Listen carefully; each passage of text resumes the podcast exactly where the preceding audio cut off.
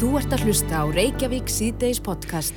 Reykjavík síðdeis, við heyrum það að íþróttafólk er orðið langþreytt Já, og uh, vill fá að komast í sínir æfingar.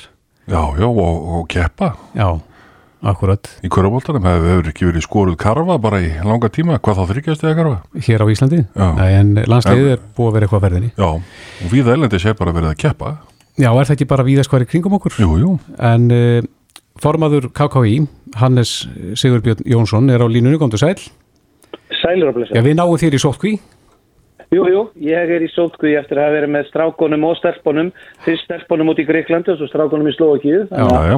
maður situr bara hérna heima inn í herbyggi. Já, en uh, þú verður vantilega var við þessa, hérna, þennan ákafa hjá fólki að vilja komast aftur á stað. Já, ég verð mikið var við þá. Það sem nú kannski nummer 1 og 3 er að við erum að ræða hér um afreiks íþróttafólkið okkar Já, sem er á efsta stíi. mhm, Og það er það sem við erum að ræða um að það, það er, þau þurfa að komast til að nummer 1 og 3 að fara æfingar. Það er nummer 1 og 3 kraf okkur að æfingar geti hafist sem allra allra fyrst.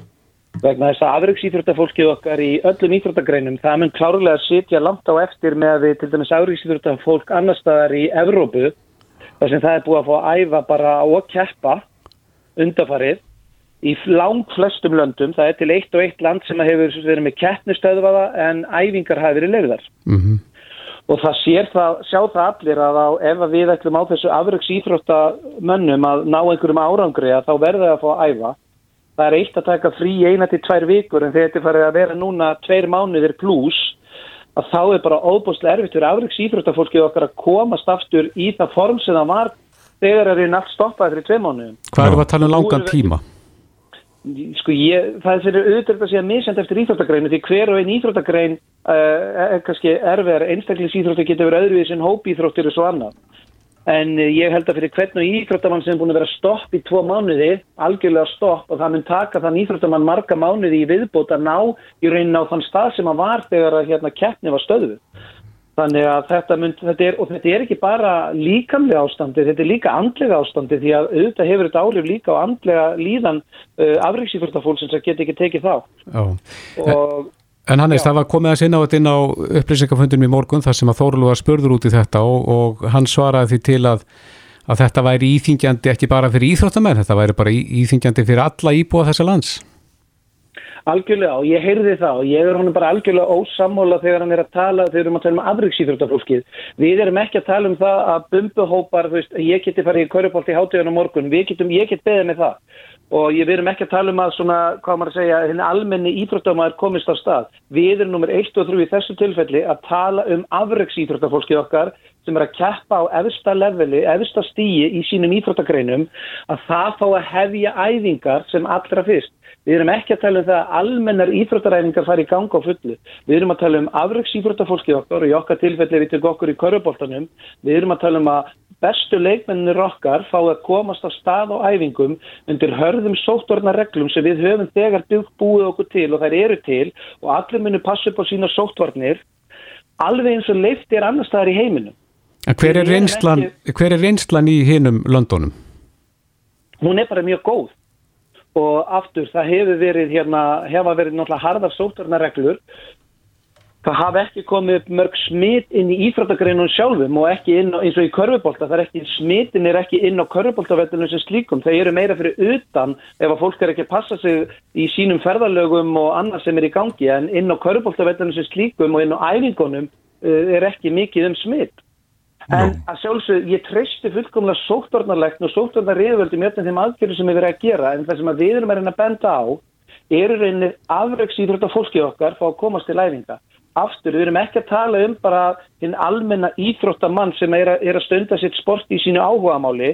Við erum ekki að tala um það. Við erum að tala um afreiksýþrótta fólki okkar. En það er náttúrulega ekki setna verna, nú eru olupíleikar á næsta ári, það er eh, EM hverna í, knaspinu og uh, svo mætti lengi telja. Þetta íþróttafólk þarf að vera klárt. Algjörlega, þú veist, og það er bara alveg ljóst að afreiksýþróttafólkið okkar hefur búið við hvað harðastar takmarkanir undarfarið. Þau hafa ekkert ekki þetta æft, nýtt kæft í langan tíma og um það erum við að tala. Og aftur í ítrekka því ég hef líka heilt að ég hef verið að ræða nú mjög mikið upp á síkastu og ég fæst um að heyra þú veist að við þurfum bara að vera þólumóð og hérna við hefum að vera bara róli eins og allir aðrir. Við erum þólumóð. Körfuboltinn, íþróttarhreyfingin, við höfum tekið þátt í öllum sóttornarreglum og gerum það áfram. Það sem við erum að kalla eftir er að afröks íþróttafólkið okkar sem er að spila á efsta stígi fá að hefja æfingar. Og ég er vongóður um það. Ég get alveg sagt okkur það. Eftir þá fundi sem ég hef fengið að hafa undanfarnar við daga að þá er ég vongóður um það að æfingar afröks íþróttafólks muni fá að hefjast í næstu viku. Og, von, og bara vona það innilega að við komum fólkin okkar og eins og ég segi fyrir okkur í körfuboltanum að okkar besta körfuboltafólk fá inn á parkettið og hefja æfingar. Mm -hmm. Með hverjum hefur þið verið að funda? Hver, hver hefur gefið svona gott vilir því? Við hefum bara verið að funda með yfirvöldum og við hefum bara... Það heilbyrðis á þeirra? Mjög gott samstarf, ekki heilbyrðis, nei, nei, við fundum ekki heilbyrðis á þeirra, við bara fulltrúum yfirvald og sótorna og það er enginn að gefa neitt vilir, fólk er bara, það er allir að vilja gerðir að reyna að gera þetta veruleik og það er verið að reyna að teikna upp þetta svo kallega litakóðakerfi, bæði fyrir almannavarnir og íþróttarhefinguna og aftur ég bara segja, ég, ég finn velvilja frá þessum aðilum en núna þurfum við meirinn velviljan. Núna þurfum við bara að láta það verða veruleika að afraugsýþróttafólkið okkar komist á parkettið og við getum fara að æfa íþróttir. Já. Hannes Sigurbjörn Jósson, formaður Korvugnættir Sambands Íslands. Kæra þakki fyrir þetta. Takk hérlega. Þú ert að hlusta á Reykjavík C-Days podcast. Þau eru mörg málinn eh, sem er í gangi í samfélaginu. Manni finnst eins og að það séu að svona eh, að það líkti að því að það er nú ekki mikið eftir af, af kjörtímabilinu sem maður e, lítur til, til alþingis en, en e, það er nú kannski ekki það sem að er, er samþygt þegar ég sestur hérna á, inn á skrifstofu hjá Brynjari Níelsinni alþingismanni og einn af fórsöndum þingsis sem að viður kennir það nú ekki að það sé komin einhver kostninga skjált í menn? Nei, nei, nei, nei en það er ekki heilt ári kostningar mm. ég held að það er, það er ótjænabæð skjálti mm. En ég hjó eftir því og þú hefur, þú hefur staði í ströngu eins og oft áður að standa fyrir máliðinu hér og þar. Og það er margir sem vilja eiga, eiga við í orðastaf um, kannski ekki alltaf á sömu skoðun þú segir í og víkur að því í podcasti Eh, að eh, almanna tryggingakerfið sé, sé legt eða öllu heldur það sé, eh, það sé margir sem að notfæri sér það til, til framdráttar. Þetta er nú ekki, ekki nýtt. Nei, ég er bara að segja að, að þróun er svo að, að, að hérna, við munum ekki ráða við þetta sem þjóð ef þetta fer fram sem horfir.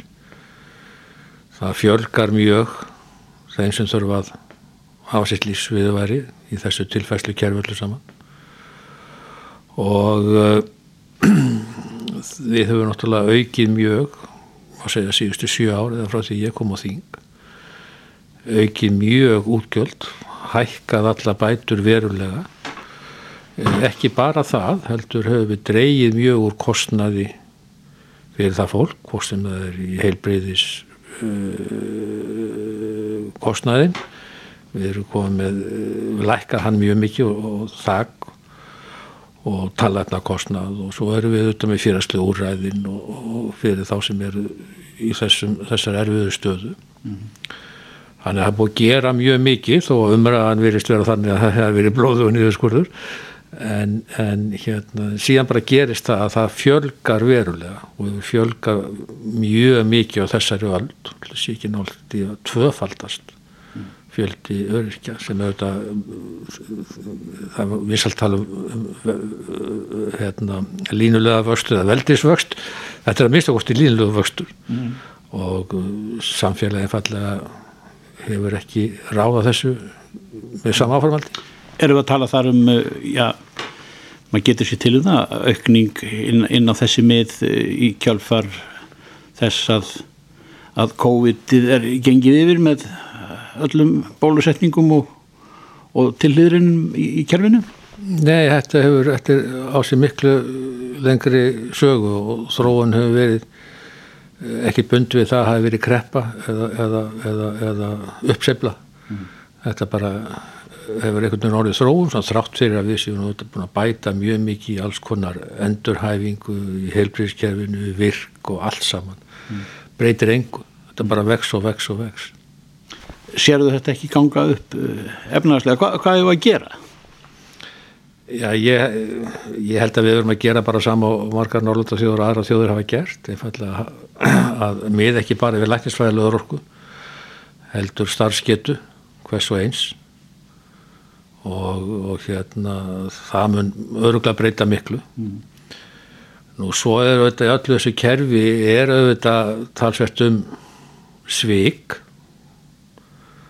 og uh, sem aldrei mátt minnast á eða aldrei ræða eða hvað þá hafa eftirlit með því mm. við erum mjög upptekinn af alls konar eftirliti en ekki þarna og ég hef bæmslega sagt sko með þetta leikur svona einhvern veginn meðan þessi lausungi er þá auðvitað bara nýta menn sér það og alltaf verið gert. Mm.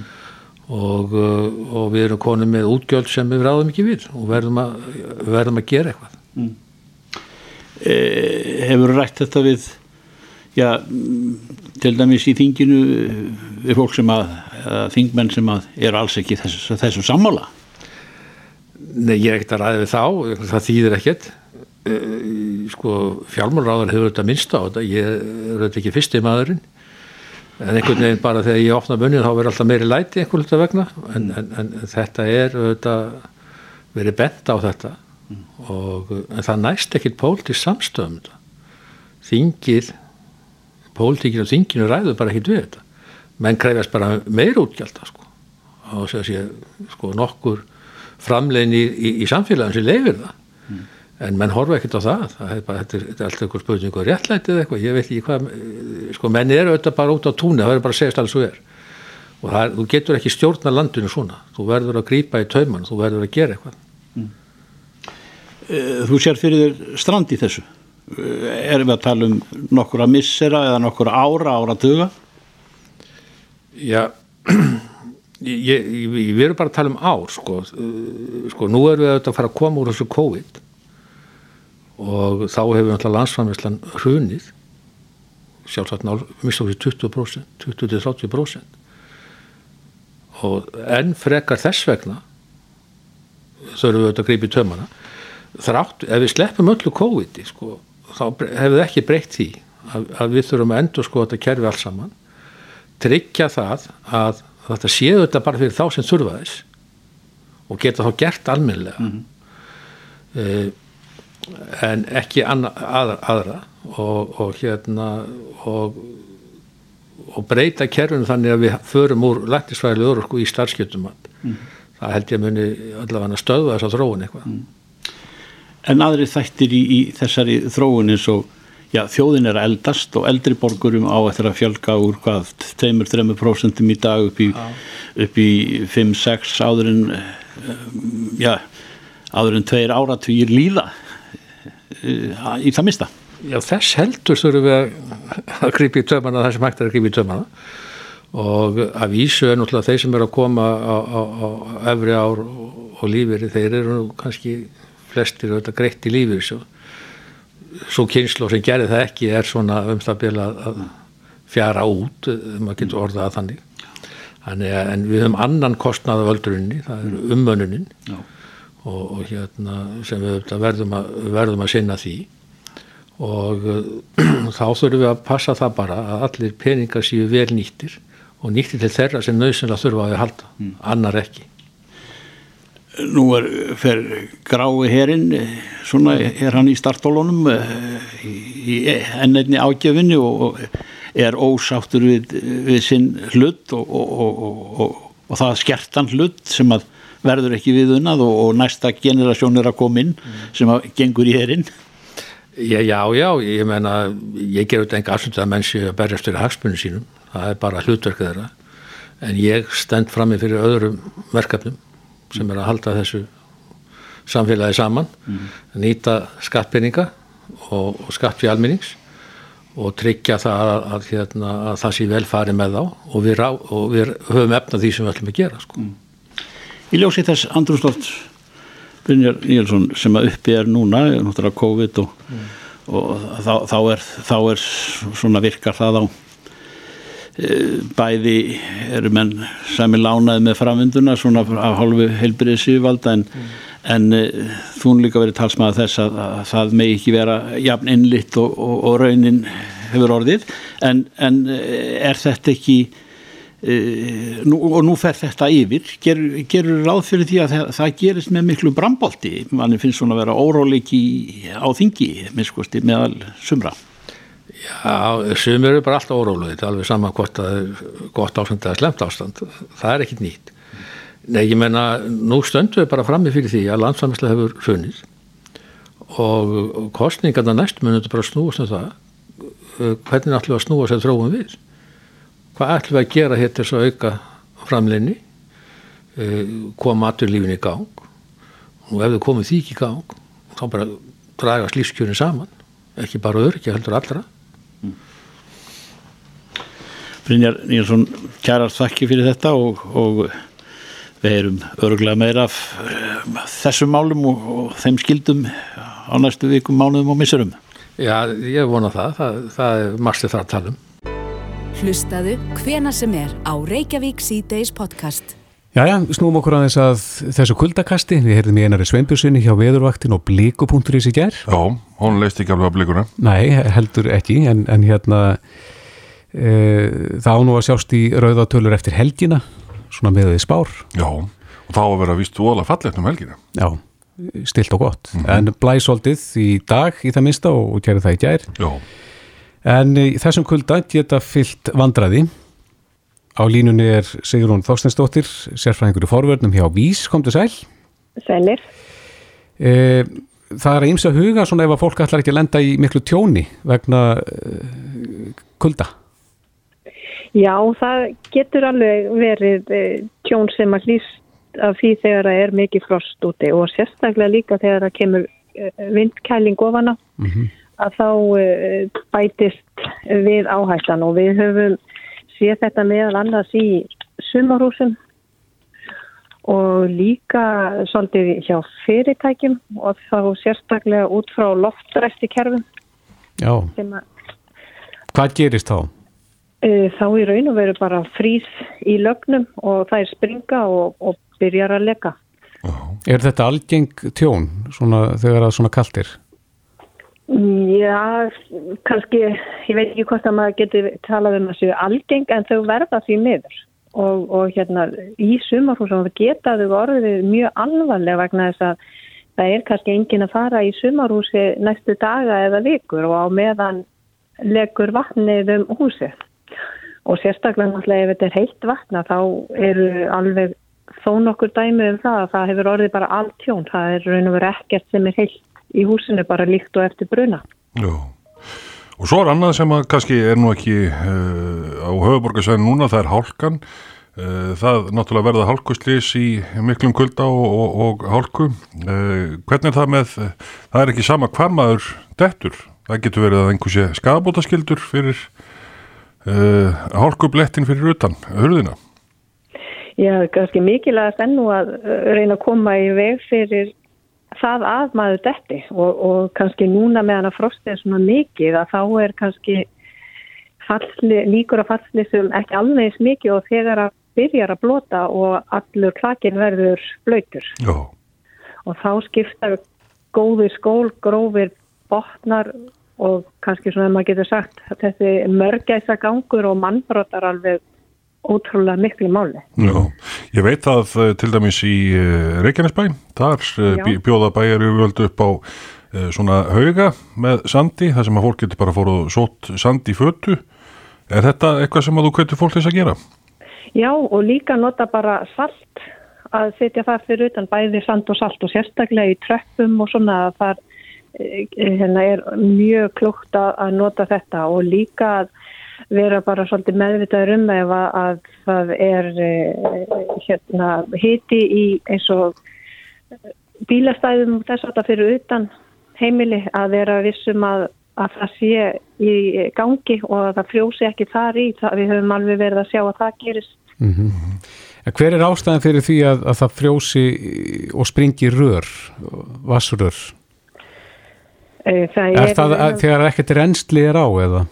Já, það gerist þegar það er ekkert reynsli og þetta snýstum nú mjög ofta tíðum neyslu vatnið og uh, þá er í raun að veru bara of lítil uh, fóðurunni í tengslu við lagnirnar og, og frosti nær af þeim.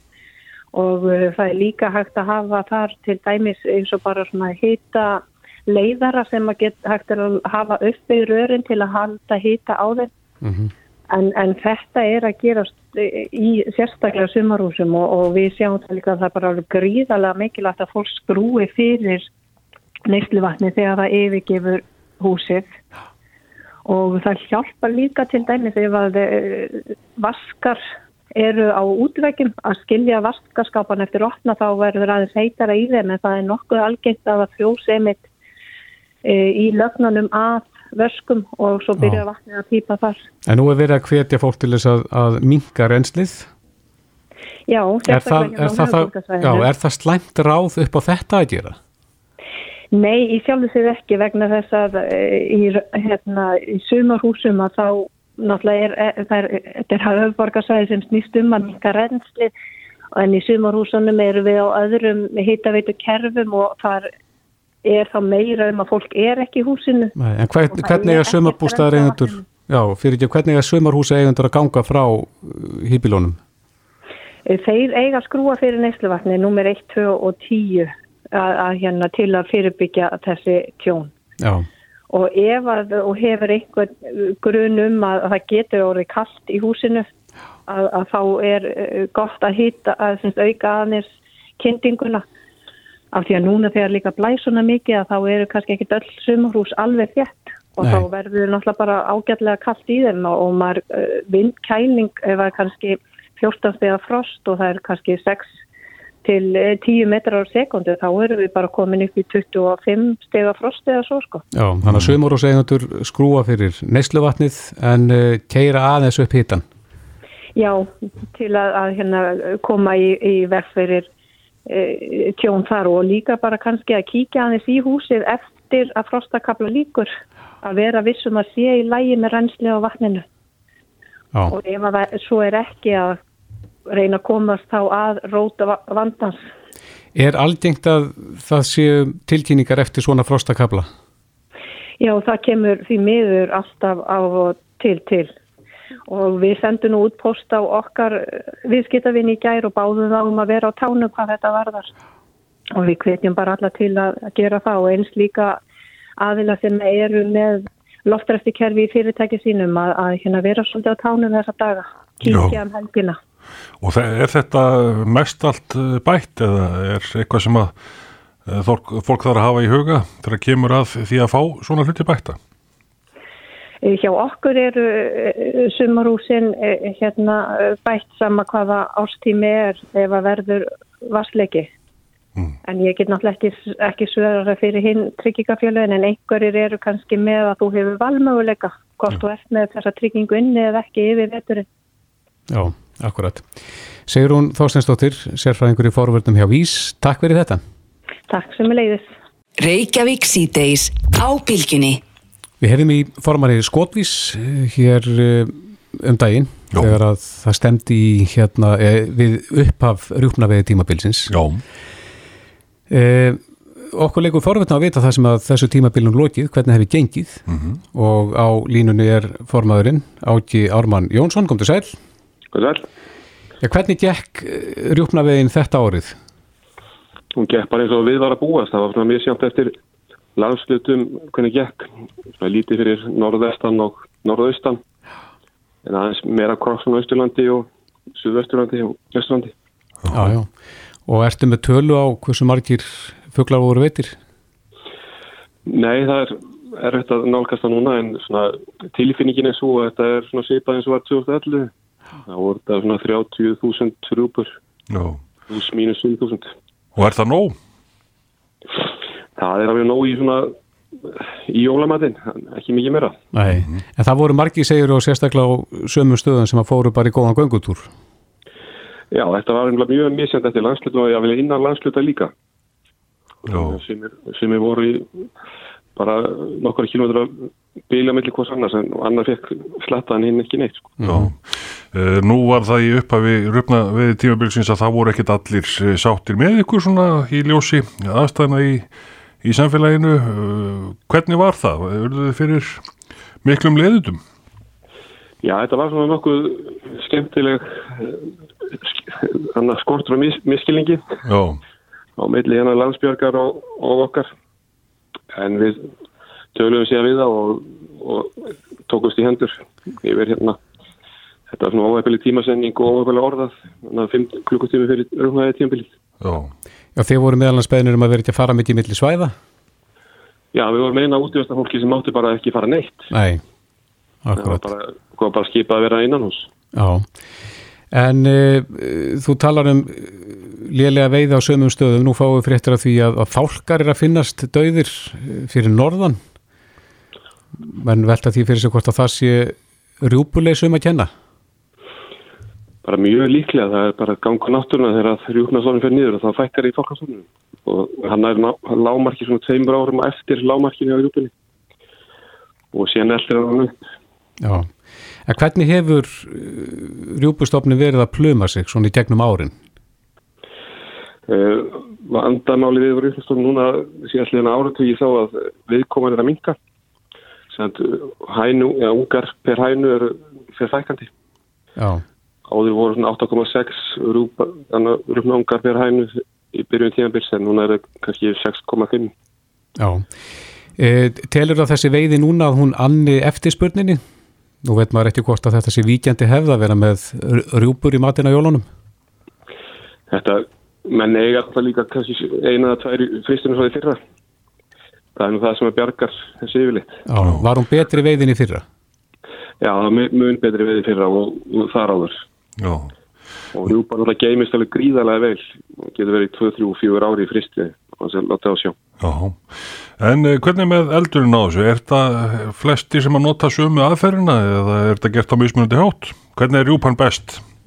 Mér finnst það best bara létt þetta pönnu Já, og síðan bara inn í, inn í opni hérna 10 mínútur, 150 gráður.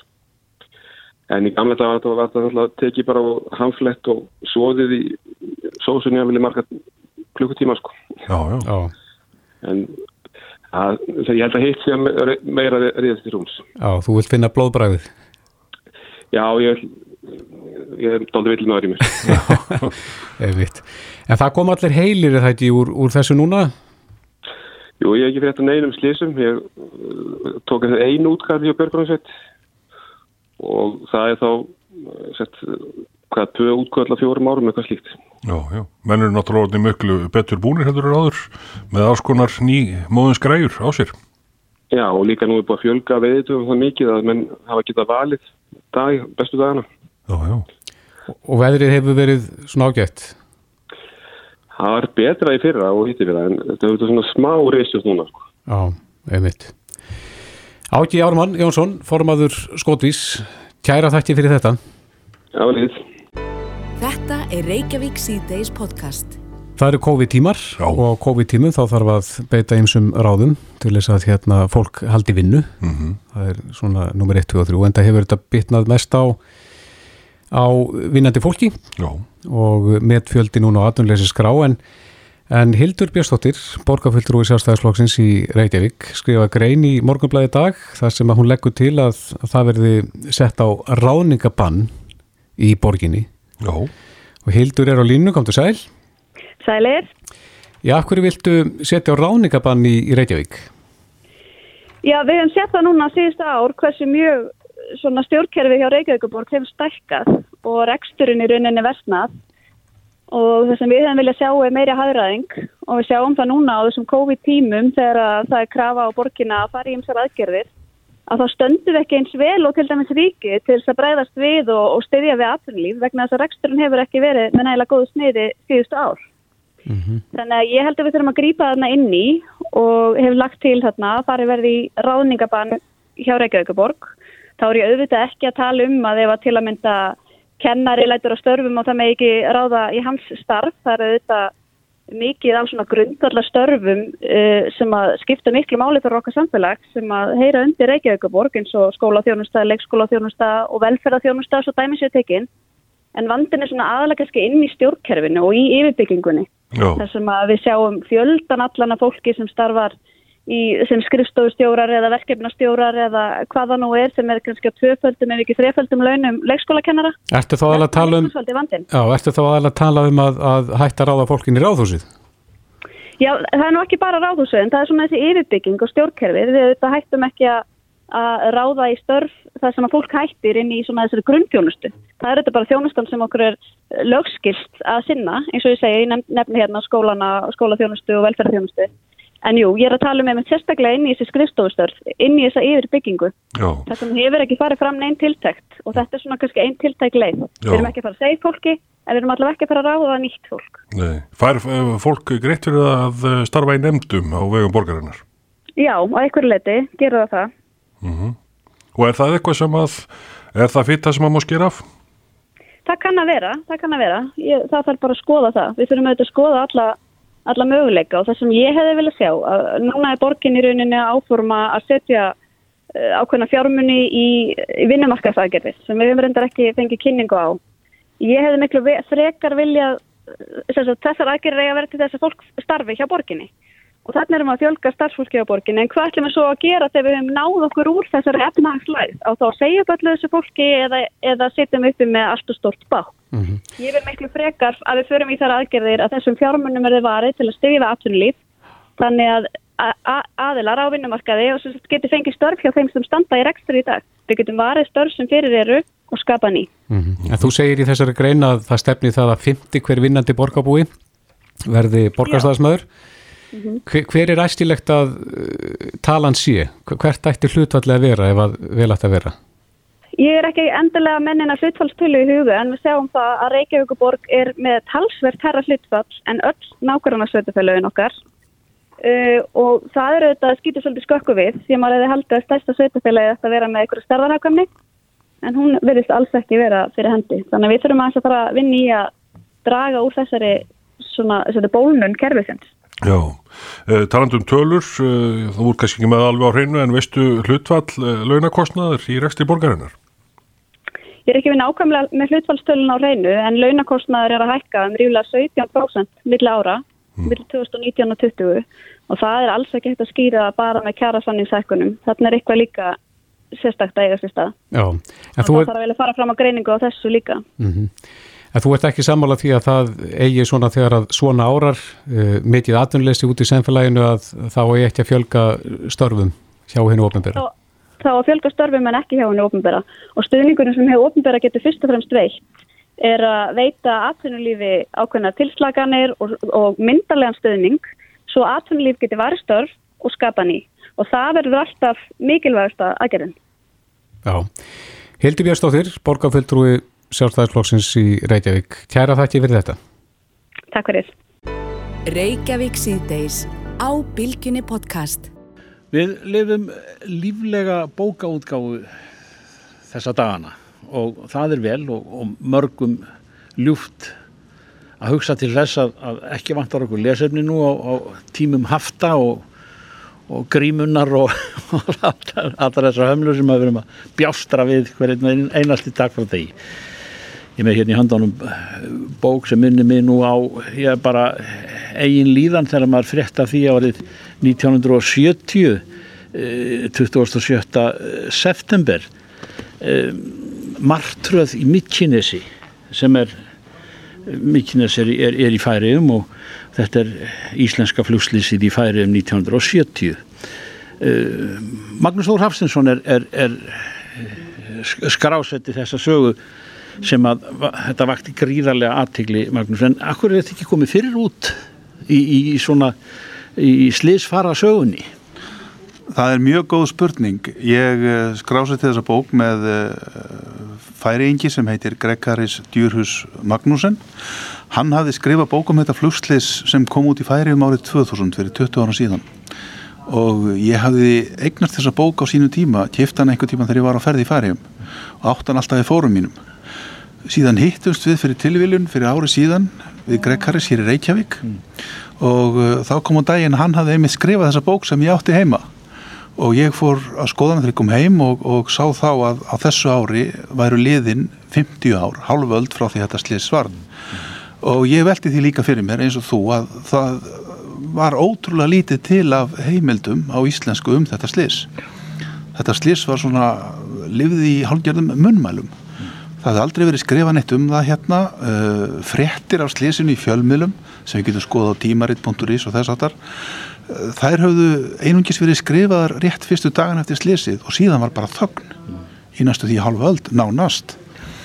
Hva, hvað fóru smargir og, og, og, var það íslenskir og færiskir farþegar?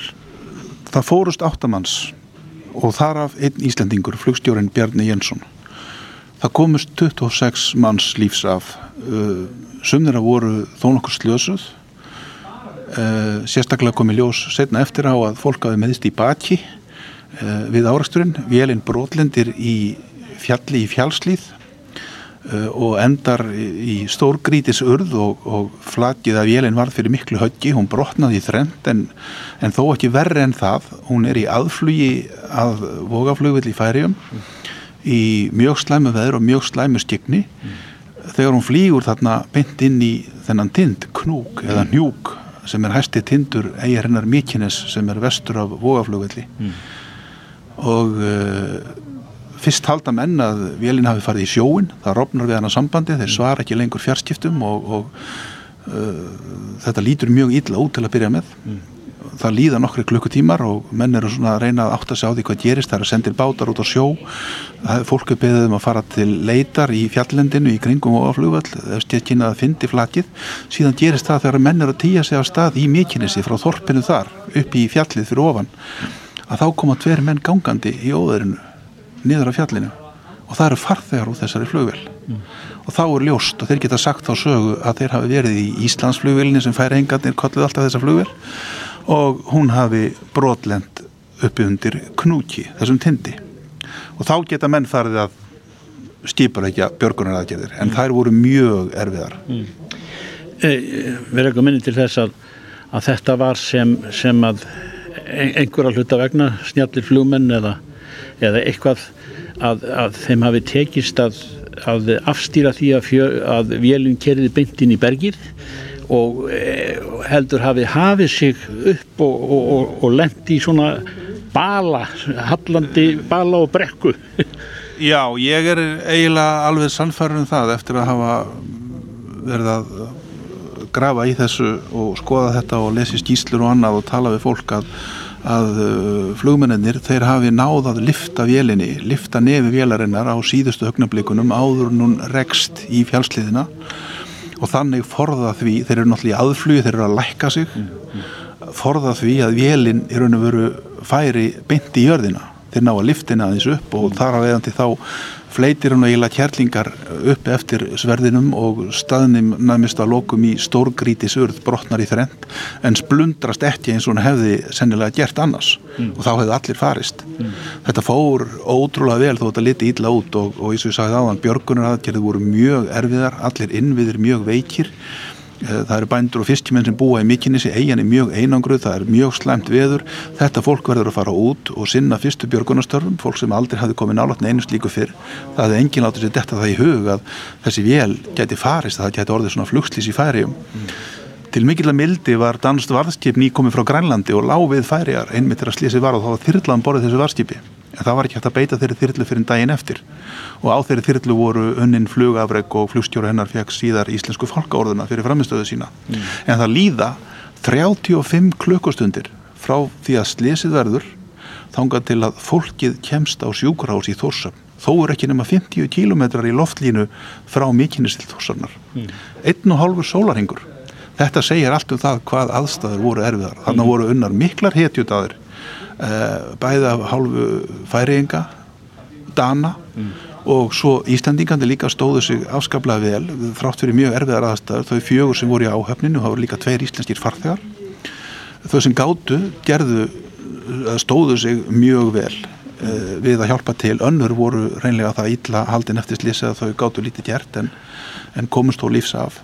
Er þetta fólk lifandi en þá? Já, þau eru flest á lífi enn í dag. Uh, einn af Íslendingunum er látin síðar uh, en, en hinnir Íslendingarnir sem voru þannig borð fyrir utan Bjarnar Jansson flugstjóra sem fóst í slísinu þau eru enn á lífi í dag og þau segja sína sögu í þessari bók, tvær flugfreyjur og, og Rafnildur Ólastóttir og Valgerður Katrin Jónsdóttir og síðan Pál Stefánsson sem var flugmaður. Hann var fyrir mjög miklu höfuðækki og, og mm, slasaðist illa þannilega séð, hann man ekkert eftir þessu en þann dag í dag. Mm. hvað gerðist í raun og veru? En, en þau náðu öll svona þokkalegri já heilsu, Valgerður slapp mjög lítið slösuð en Rafnildur hún bak, bak hennar brotnaði og, og hún hefur síðan glimt við bakmeðsli en, en, en þarfur utan að þá, þá fór þetta í raun og veru ótrúlega vel þannilega séð. Magnús Þór Hafstinsson það er fengur í þessari bók. Ég veit að margir sem að muna þetta segja já, loksins að fá, sögu að þessu. Þetta var, þetta var í senn óhugulegt, óhugulegt og að heyra af, af þessu óljóst, dularfullt og uh, ég man að við já, ég maður var um títugt þá og þá, þá hérna maður, maður vissi ekki neitt og, og, og, og hverjir átt í hlut og svo framvis og framvis Nú liggur þessi saga fyrir og það er í þrjur bók fjöldin allur á ljósmyndum sem á aldrei sérst fyrir og þannig er mjög mikið upplýsingum sem aldrei hafa komið fram heldur fyrir hér á Íslandi. Þannig að, þannig að en núna loksins getum við svona hvað ég var að segja bætti þessu inn í flugs og Íslands og uh, kannski líka svona lokið þessu máli.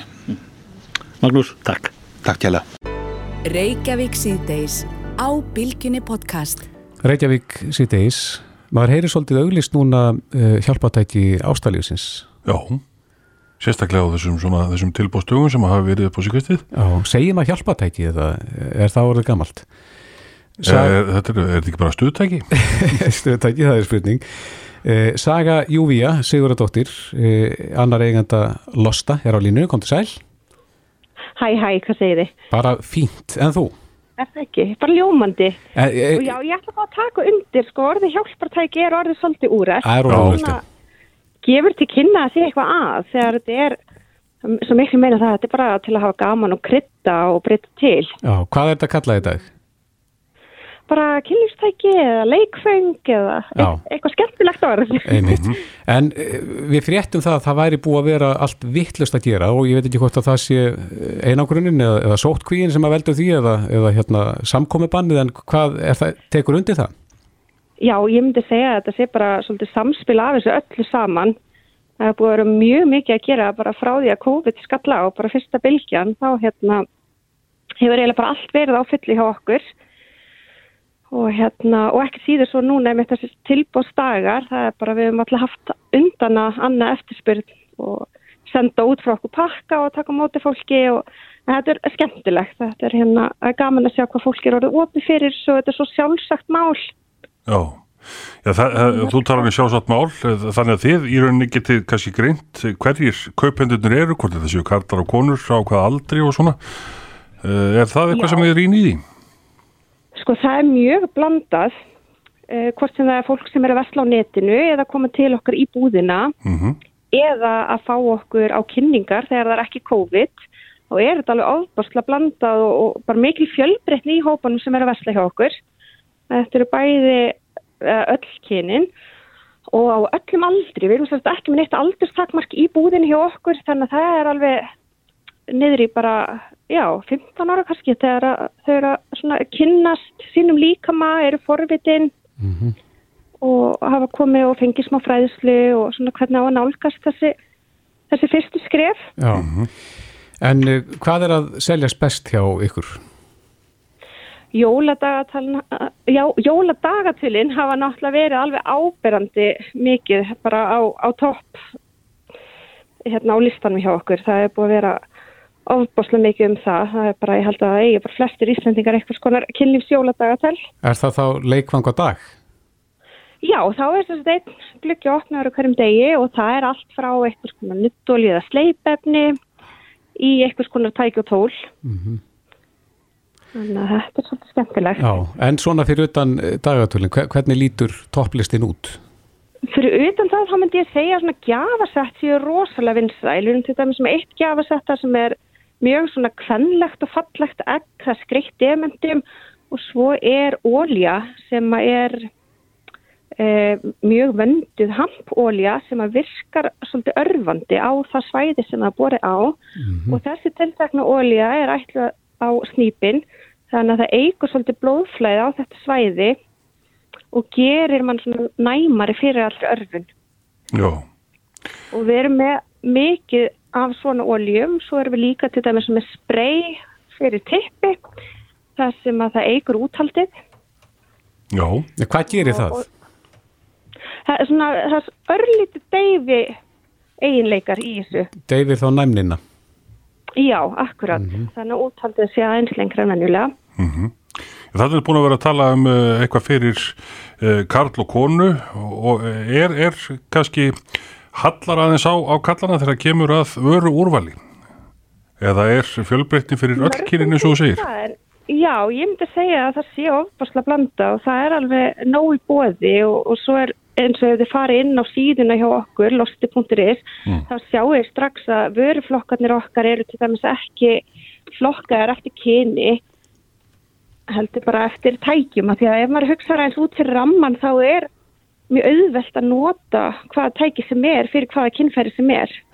Já, því að tækin sjálf hafa ekkert kyn þannig að ef maður hugsa eins út fyrir boksi þá er hægt að nota eiginlega hvað sem er. Já, en, eh, en þú segir að, að fólk sé svona minna feimið við ykkur í dag þegar að það eh, nálgast þessi hérna tól? Já, ég myndi segja að það sé alveg ábyrrandi og mér finnst mjög gaman að sjá þegar fóreldrar eru jafnvel að koma með úlingunum sínum eða vinkonuhópar þetta er orðið mjög sjálfsagt að ræða þessi mál bara á opinskáan hátt. Þetta er eitthvað sem að minna við vitum öll bara hvernig börnum verða til og að stunda allir kynlíf. Þannig að það er bara frábært þessi þróun sem hefur orðið núna síðustu ár. Já, og hérna samskipti eru náttúrulega ofbúslega mikilvæg og maður tekur um eitt eftir því líka hjá pörum sem eru að koma að vesla þau eru duglega að ræða sín á milli hvað þau vilja og hvað þau vilja ekki og, þau vita rosalega mikið hvað hendar hinnum aðilanum og hvað hendar þeim í þeirra kynlífi Eh, Hvað með fatnað? Er, er, ertu með svoleiði sem að fólk er að vesla? fyrir hlutverkaleiki Til dæmis? heldur betur, já heldur betur við hérna, vorum bara nýlega að bæta við fatna hjá okkur og erum bara stöðugt að bæta við í vörúrvalið þannig að nú er hérna og hvað er vinsalast þar? nærfatnaðurinn. Það er bara alls konar svona heilgalar og blúndu og eitthvað og erum að fá núna með sendingu af svona jólasveina nærfatnaði með jólasveina húi og alls konar. Já, Þannig og það er við erum með allt, við erum til dæmis með um, blúndunærböksur sem er fyrir tippi, við erum með heilgala sem hendur bara öllum kynjum, við erum með alls konar svona blúndur líka til að binda fyrir augun sem fylgir oft með, eða svona grímur og þannig. Þannig að þetta er búið að vera einmitt mjög skemmtilegt að, að sjá hvað það er einmitt líka fjölbreytt og fólk er að, að vesla þar. Það er fólk á öllum aldri sko. Ég var með eina konu bara 65 ára gamla núna fyrir vikunni sem að var að velja sérlega nokkra galla. já. En uh, þú talar um að það sé minni feimni heldur en henni í gamla daga en uh, heldur að þetta sé pakki sem að fer undir jólatrið og er opnaður fyrir kannski framan allar fjölskyldur? Vonandi, ég ætla að veita að það er gert í minni fjölskyldu. En það er veit kannski bara góð leið til að opna fyrir umræðina á einhverjum heimilum. En, hérna, en það er bara mér, því að sem er kjósa kannski frekar setjað undir kottan hjá makanum eða eitthvað slíkt, það er líka. Það er, fólk verður bara að finna sína, sína einn leið í. Einmitt. En ég veit til dæmis að margir sem hafa verið að versla hjá okkur eru til dæmis að kaupa tæki fyrir fórelda sína og, frængu og sískinni jafnvel. Já, til já. dæmis með mikið af spilum líka og þau hafa verið að seljast mjög mikið núna upp á síkasti. Já, þetta fyrir valla í möndlugjöðina Jú, ég veit um eitt svoleið til þetta reyndar. Já, já, Já, já, já. já með, ég held að það sé bara engin takmörk, það er bara allt leifilegt í ár. Akkurat. Uh, Saga Júvía Sigurðardóttir, eigandi losta.is. Kæra þakki fyrir þetta. Takk sem leiðis, það var gott. Og gleðileg jól. Gleðileg jól, bye. Þetta er Reykjavík C-Days podcast.